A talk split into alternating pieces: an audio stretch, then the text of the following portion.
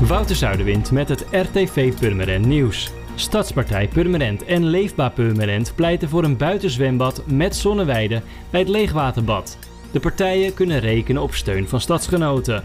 Veel Purmerenders zoeken op dit moment bij warme dagen verkoeling bij het buitenbad in Volendam. Leefbaar Purmerend vindt dat een stad met 80.000 inwoners zelf over een buitenzwembad behoort te beschikken.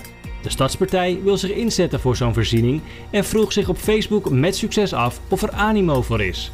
Leefbaar Purmerend juicht de lobby toe, maar wil eerst nog wat opheldering van het college. Zo wil de partij een onderzoek laten doen naar de behoeften en de kosten van de aanleg van een buitenbad. Ook vraagt de partij zich af hoe Speurt en het Leegwaterbad zelf over een uitbreiding met buitenzwembad denken. En vanaf komende zondag kun je alles te weten komen over roofvogels.